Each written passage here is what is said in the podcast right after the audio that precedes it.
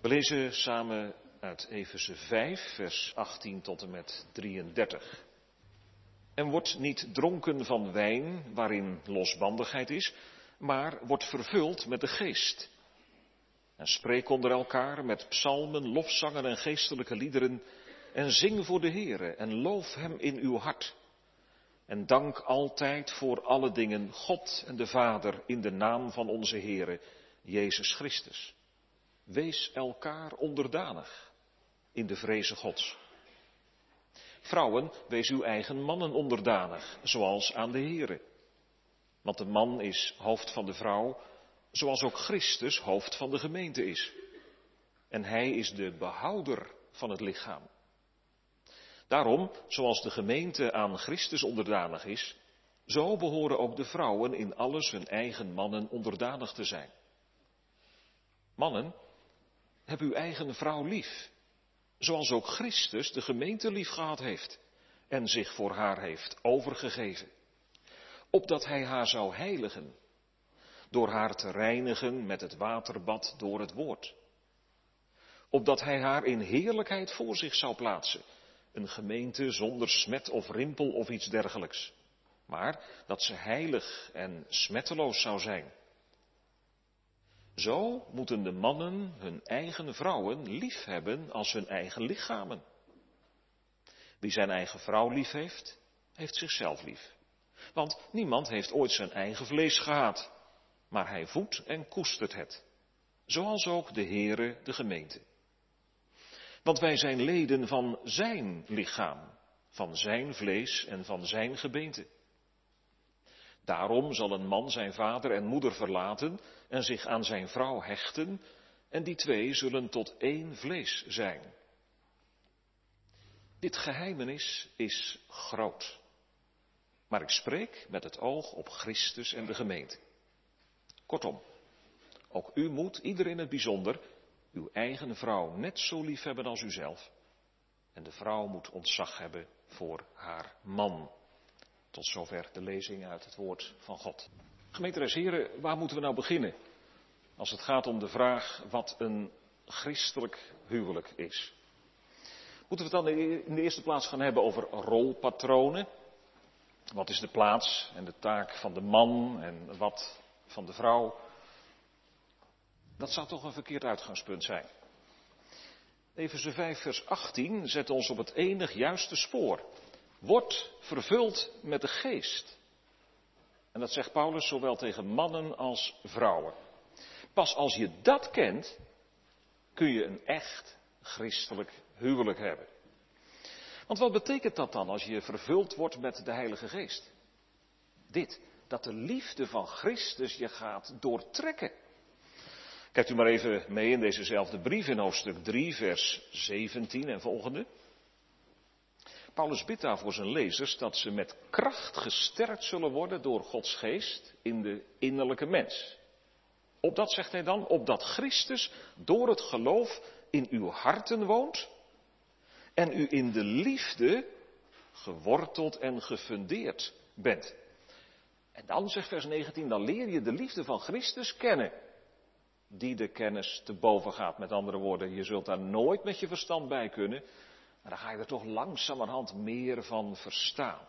De Heilige Geest brengt de liefde van Christus in het hoofd en in het hart van ieder die gelooft in Hem. Wel, alleen die liefde is de brandstof waar je ziel op kan lopen.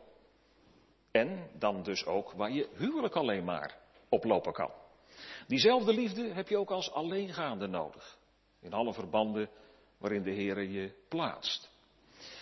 Al die dingen die Paulus vervolgens gaat noemen in Efeze 5, zullen we alleen maar verstaan als we vervuld zijn met de geest. Nou, laten we daar voortdurend om bidden, zelfs tijdens deze preek, maar ook elke dag opnieuw. Het thema voor de bediening van het woord is het christelijk huwelijk. En we zien drie dingen. Het gaat uit van Christus. Het is doorzichtig tot op Christus, of zo u wilt, transparant.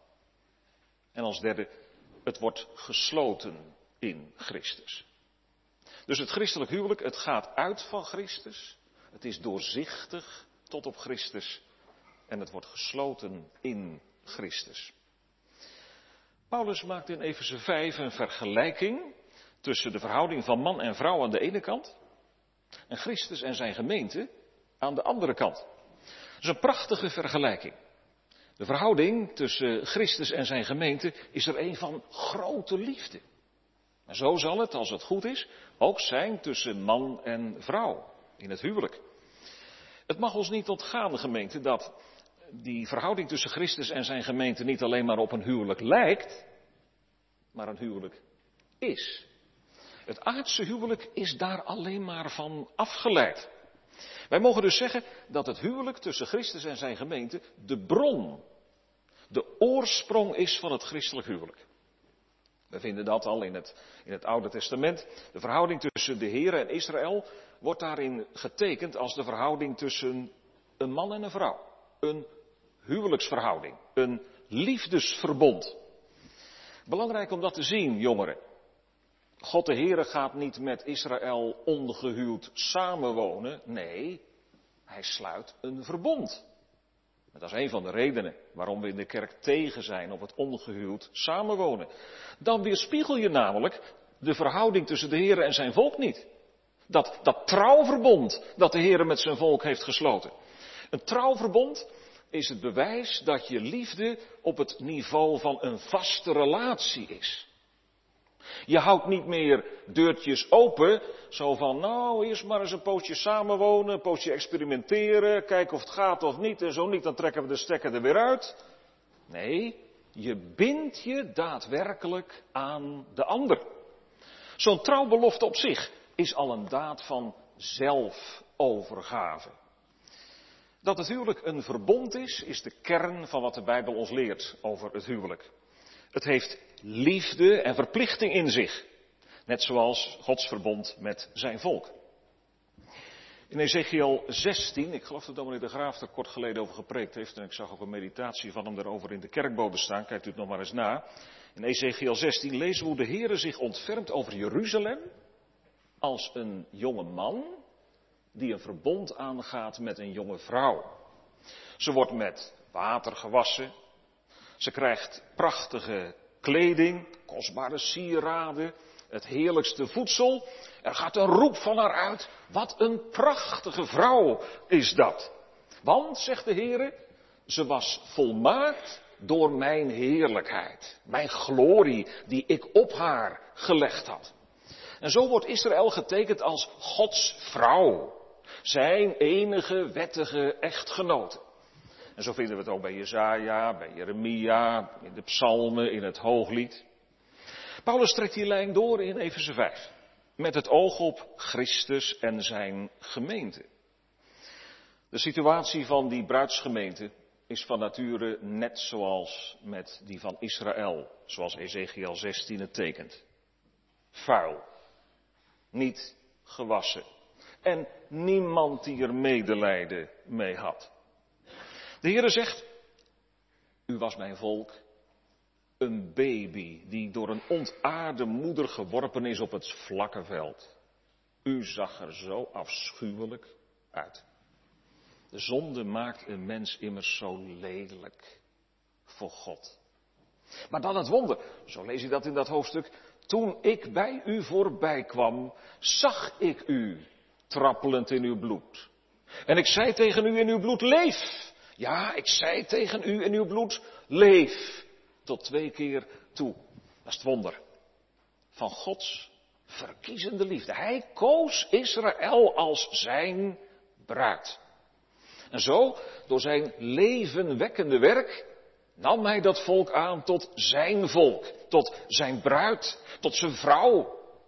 Het was de tijd van de liefde, zegt de Heer. Daarop zwoer ik u een eed en ging een verbond met u aan, spreekt de Heere, Heere. En zo werd u van mij. U werd buitengewoon mooi. Uw schoonheid was volmaakt door mijn glorie die ik op u gelegd had, spreekt de Heere. Nieuw Testament is gezegd. De Heere reinigt zijn volk van alle zonde vuil door het bloed van de Heer Jezus Christus. En hij doet ze delen in de heerlijkheid glorie van zijn zoon. Nou, dat bedoelt Paulus in Efeze 5, vers 25 en volgende. Christus heeft zijn gemeente lief gehad en heeft zich voor haar overgegeven, opdat hij haar zou heiligen door haar te reinigen met het waterbad door het woord. En wat geeft hij zijn bruid een stralende heerlijkheid, zoals Ezekiel 16 daar al over sprak. En kijkt u maar mee, hè? Paulus die neemt dat dan weer over in vers 27, opdat hij haar in heerlijkheid, in glorie, voor zich zou plaatsen. Een gemeente zonder smet of rimpel of iets dergelijks, maar dat ze heilig en smetteloos zou zijn. Dus door het verzoenende werk van de Heer Jezus zijn al Gods kinderen volmaakt, gereinigd van de zonde. Of je nu gehuwd bent of alleengaand. En daarom is dit niet alleen maar een preek voor gehuwde mensen, maar voor iedereen. Want het gaat om de bruidsgemeente van Christus. In Hem, door zijn dood en opstanding, door het kleed van zijn gerechtigheid dat Hij verdiend heeft, is de schande van haar naaktheid bedekt. De schuld die open stond voor God, is er niet meer. Christus heeft de schuld van zijn bruidsgemeente overgenomen en haar onreinheid weggedragen. Gods toren gestild, Gods recht vervuld. En daarin ligt ook het wonder van Gods huwelijkstrouw voor zijn volk verankerd. Immers, wat deed vrouwen Israël? En wat doet de bruidsgemeente van Christus nog zo vaak? afdwalen van Hem. Andere minnaars achterna lopen. De goden van de tijd. Mijn hart is zo overspelig, dat wil zeggen geneigd om, om mee te gaan met andere goden. Vreemd te gaan, in die zin. Maar telkens weer verklaart de Heer aan zijn volk zijn, zijn, zijn vasthoudende, zijn hartstochtelijke liefde. Hij is de vurige, ja, de jaloerse minnaar. Dat betekent dat woord wat we altijd s'morgens in de wet horen. De Heer is een naijverig God. Dat is zoiets als, hij kan het niet hebben als zijn volk zich afgeeft met een andere minnaar. Hij heeft er alleen recht op.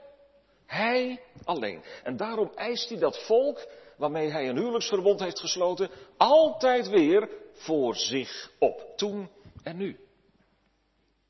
En daarom klinkt ook het appel, wat we altijd in het eh, doopsformulier horen, om de wereld te verlaten. Dat wil natuurlijk niet zeggen dat je de aardbol moet verlaten, dat begrijpt u, maar dat wil zeggen alles wat je van mij aftrekt. Dat hele wereldse denk en schema, laat dat los. Ook al is het nog zo verleidelijk, ook al sluit het nog zo aan op de begeerte van je eigen hart. Jongeren, je leeft op het terrein van Gods verbond.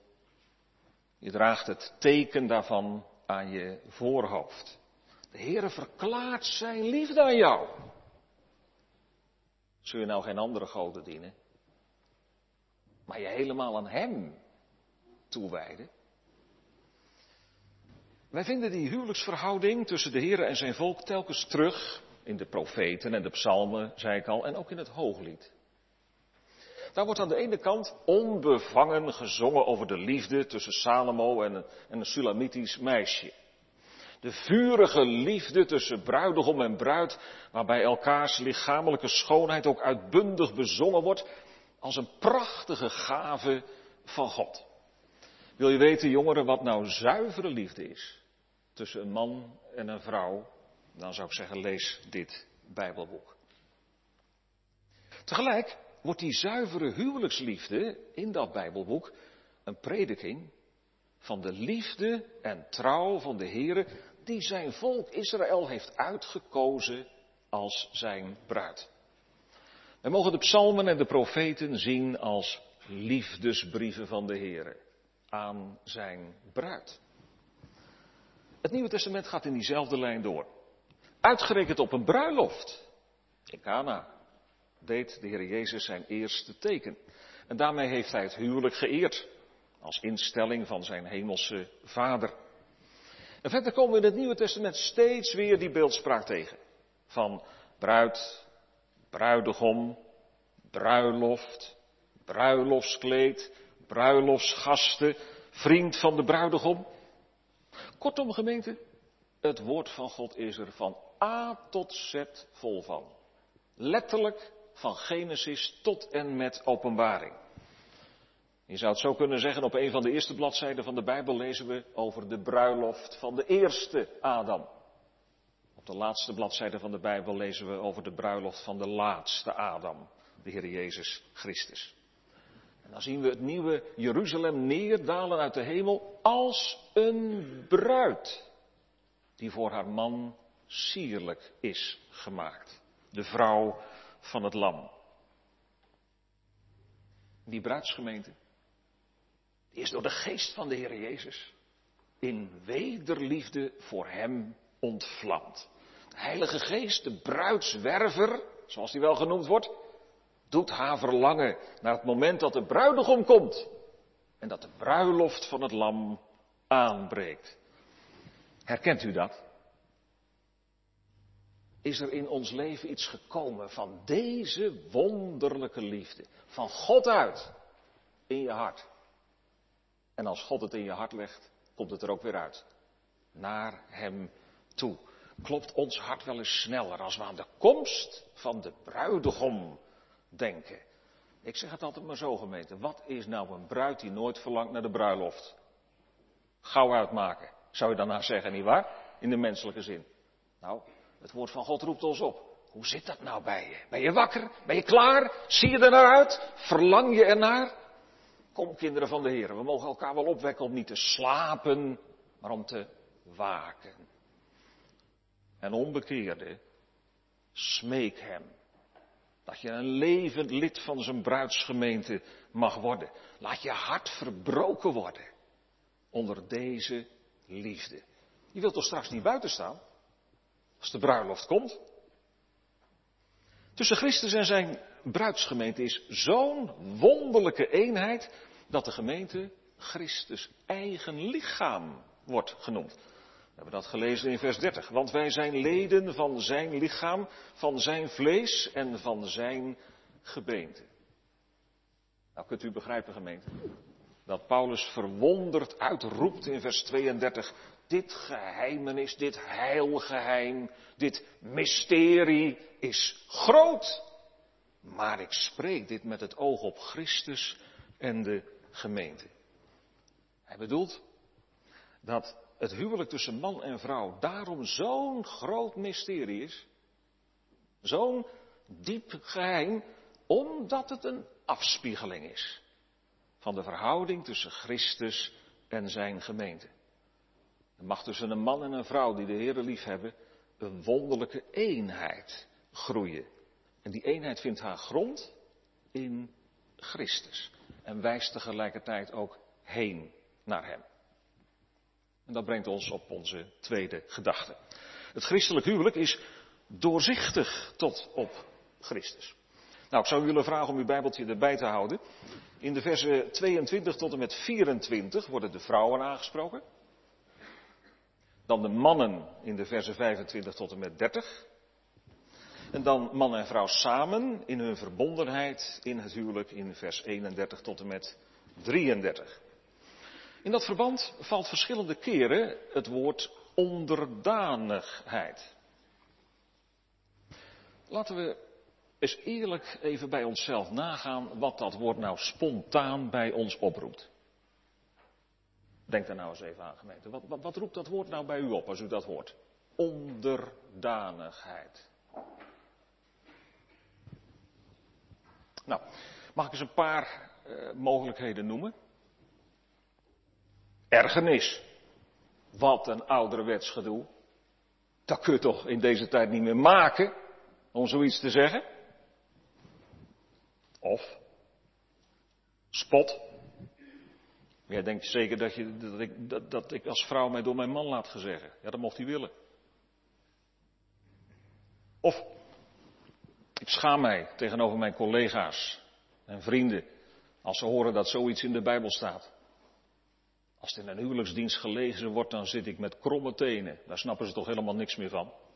Je geneert je er toch voor.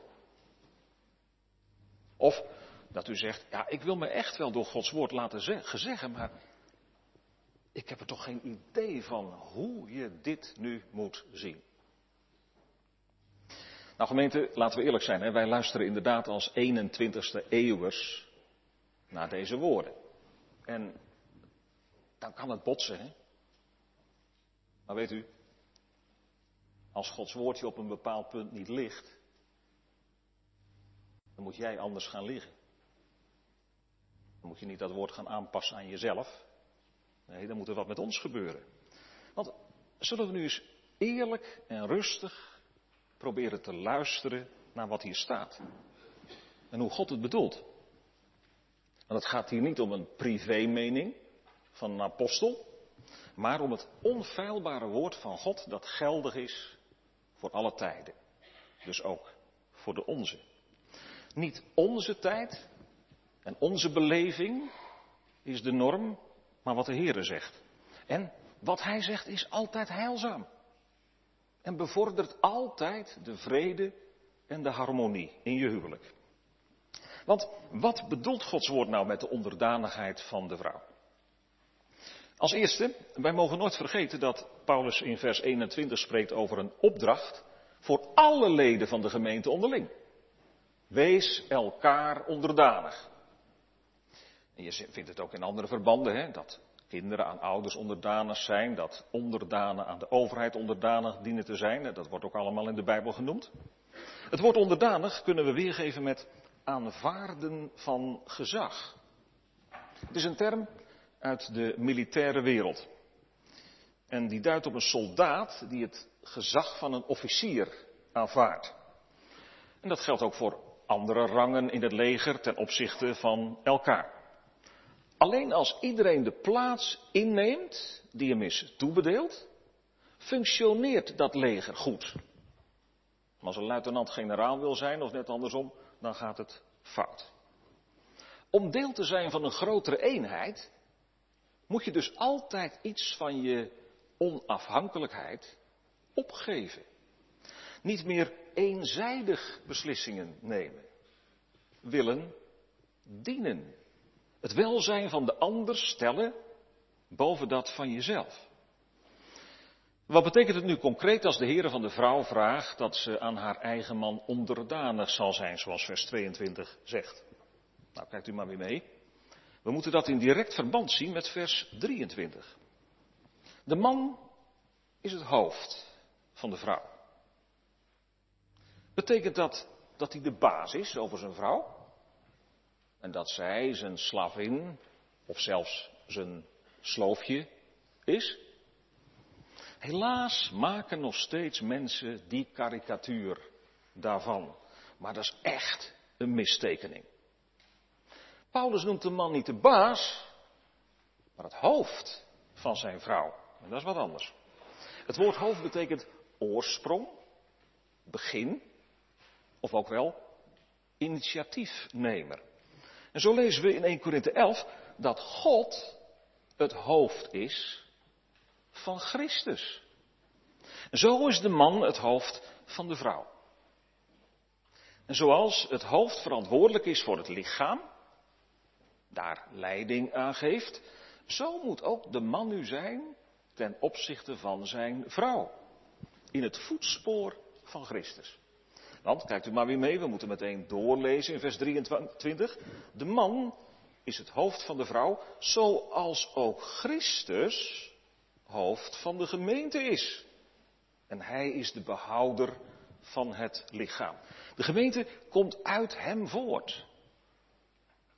En zoals de Heer Jezus gehandeld heeft, en nog handelt, ten opzichte van zijn gemeente, zo moet de man nu handelen ten opzichte van zijn vrouw. Hoe doet Christus dat dan? Gedraagt hij zich als een tiran ten opzichte van zijn gemeente? Gebruikt hij haar als een voetveeg? Nee toch? Kijk maar weer in dit vers, vers 23. Hij is de behouder van het lichaam. Hij redt zijn gemeente en houdt haar in stand. Hij doet alles voor haar. Hij koestert haar uit pure liefde. Nu wil de Heer dat je als christenman, in je verhouding tot je vrouw, daarvan iets afbeeldt. Van die houding van Christus. Mannen broeders die gehuwd zijn, wat een voorrecht. En wat een verheven opdracht. Om in je huwelijk het beeld van de Heer Jezus te mogen vertonen. In echte liefde. Maar wat is nou liefde? Het Grieks kent verschillende woorden voor liefde. Eh, het woord eros, dat herkennen wij uit ons woord erotiek. Dat is de aanduiding van een oppervlakkige liefde. Het is de liefde die begeert omdat de ander waardevol is. Omdat die ander je, je aantrekt. Het is geboeid zijn door de ander in zijn of haar gestalte, bouw, voorkomen, optreden. En dat hoeft op zichzelf genomen natuurlijk niet verkeerd te zijn. Maar dat is wel te weinig als basis voor je huwelijk. Daarvoor is een diepere liefde nodig. En daarvoor gebruikt Paulus het woord agape. Dat is de christelijke liefde. Je zou het zo kunnen zeggen. Is eros de begerende liefde? Agape is de gevende liefde. Liefde die dus niet vraagt wat die ander voor mij oplevert, maar die alleen maar geeft. Zichzelf geeft. Zou het hier niet in veel huwelijken op mislopen? De vraag is niet, wat kan die ander mij opleveren? Maar, hoe kan ik die ander, hem, haar, tot zijn of haar recht laten komen? Zodat hij of zij maximaal kan leven voor Christus. Hoe kan ik mijn man, hoe kan ik mijn vrouw laten schitteren voor Hem? Dus niet nemen, maar geven. Ja, gemeente, dat staat haaks op ons zondige hart. Dat kan alleen de Heilige Geest je maar leren.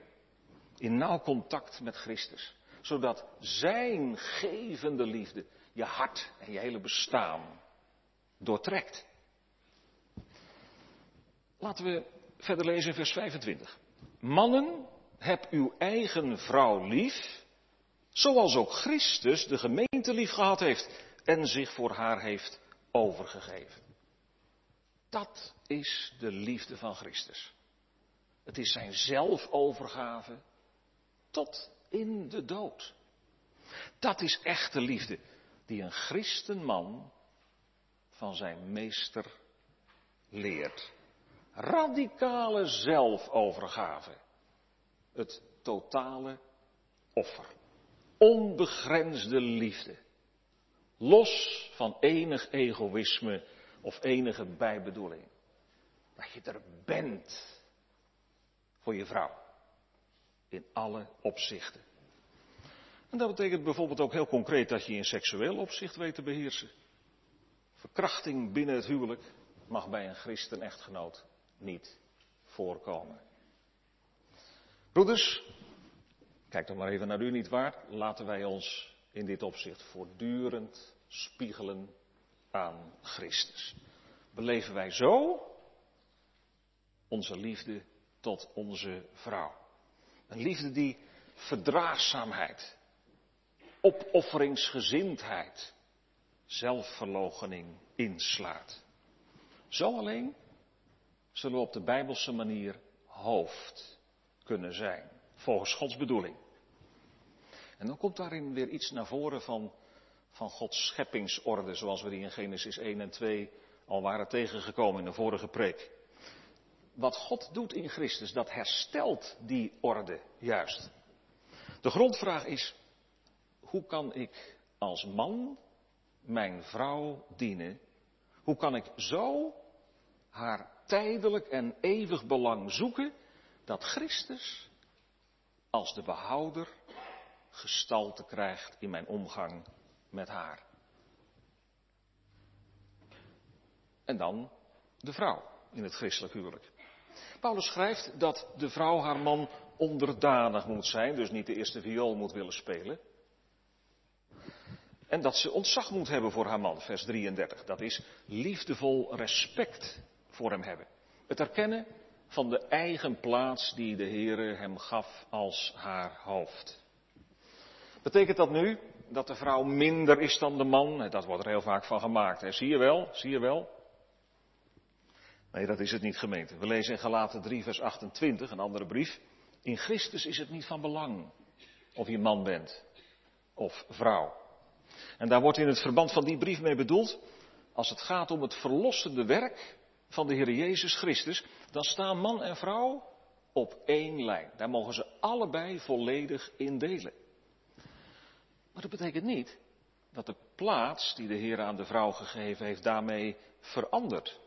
Man en vrouw zijn wel gelijkwaardig, maar niet gelijk. Dat zijn we alleen al uiterlijk niet, niet waar? Dus het zou ook onzin om, zijn om te zeggen dat we gelijk zijn. dat is ook niet zo. Ze hebben elk hun eigen plaats. Als de vrouw aan de man onderdanig is, dan geeft ze zich vrijwillig over aan de liefde en de leiding van haar man. Zoals de gemeente zich vrijwillig en in liefde overgeeft aan de liefde en de leiding van haar heren. En zo beeld je als vrouw in je huwelijk iets af van de houding van de gemeente ten opzichte van Christus. Als het goed is, dan overleg je in je huwelijk als man en vrouw alle dingen samen. Zo hoort dat te zijn. Ook in de opvoeding van je kinderen, als God die gaf. Maar als je het dan onverhoopt eens een keer niet met elkaar eens bent en er moet beslist worden, dan zal de man zijn verantwoordelijkheid als hoofd moeten nemen.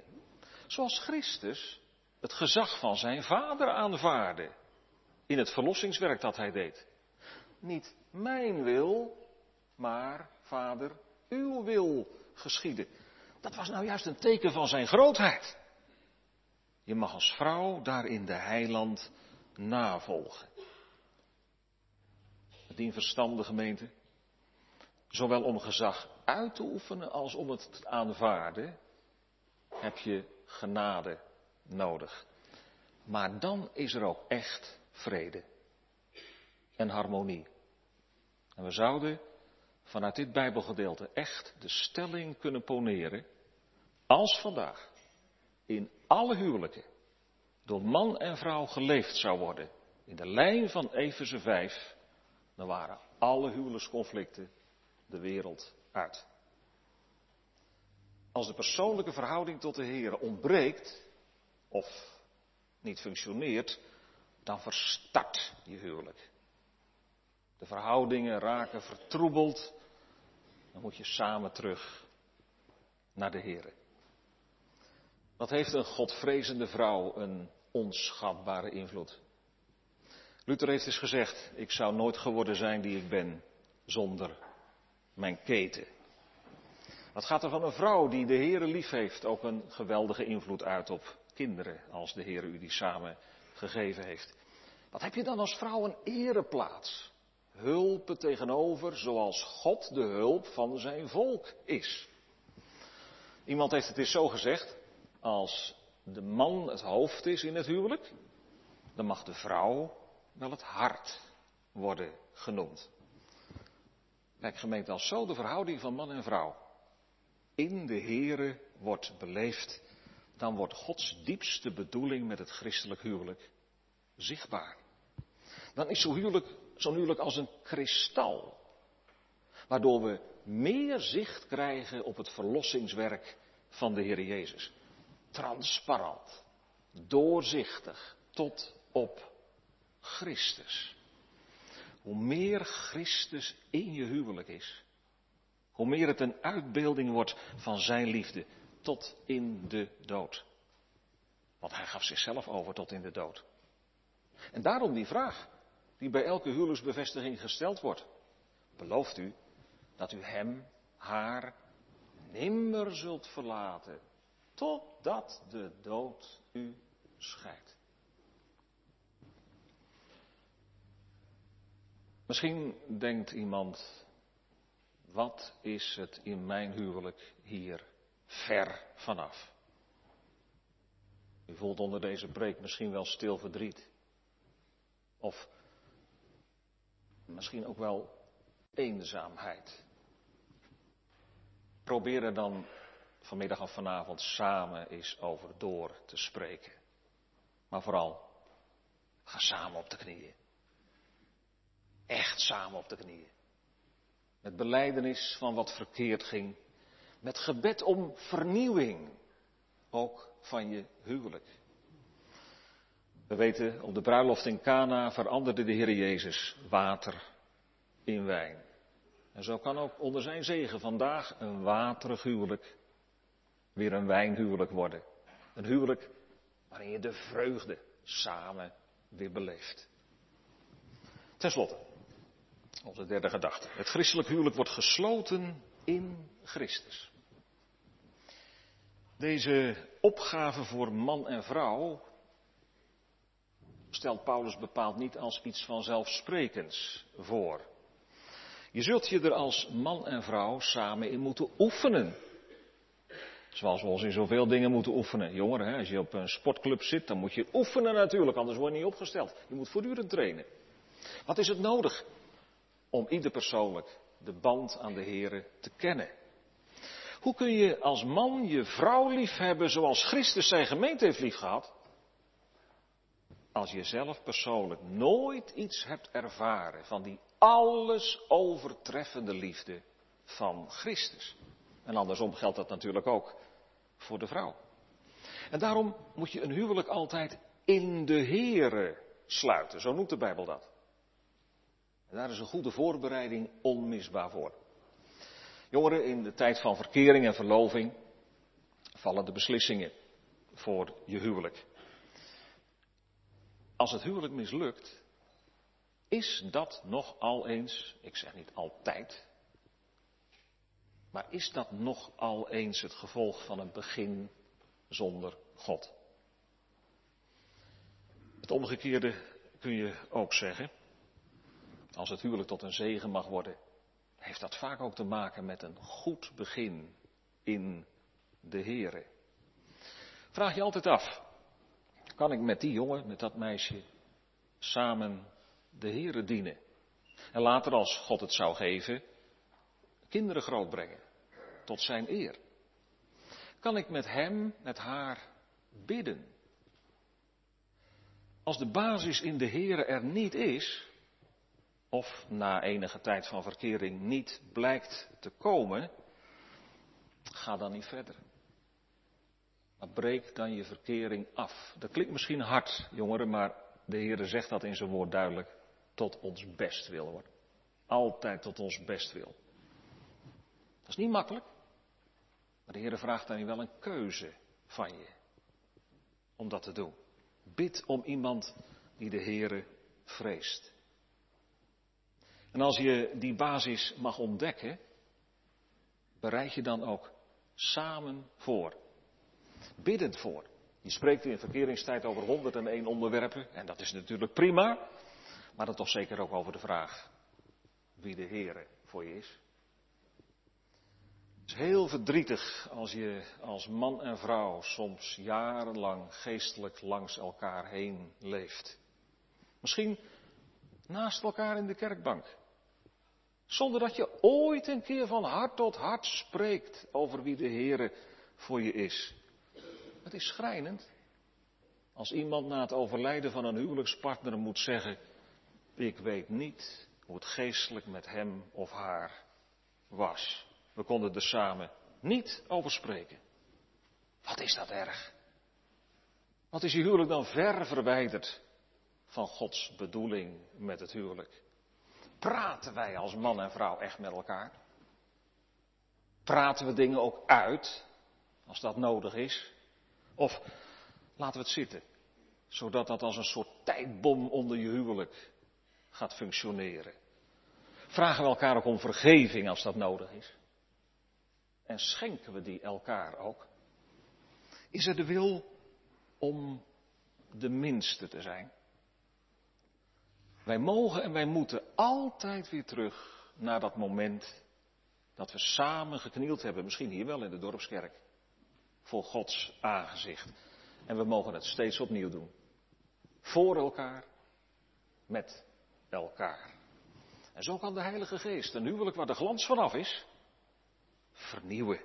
Dan kan het zo wonderlijk goed komen.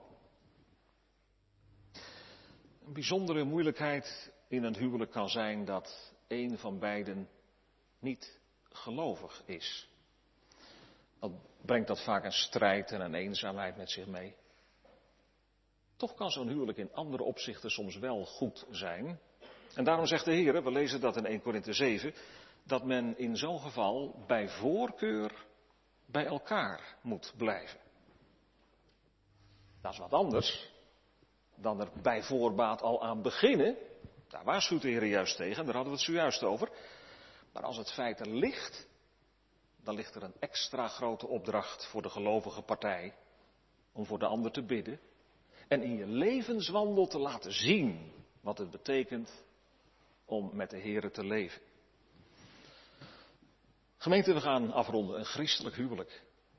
Wat heeft het veel te zeggen in onze verziekte maatschappij? Eenmaal komt aan elk huwelijk een eind. Ook in het christelijke huwelijk geldt, als wij als levende mensen de wederkomst van de Heer Jezus niet meemaken, dan maakt de dood eenmaal scheiding.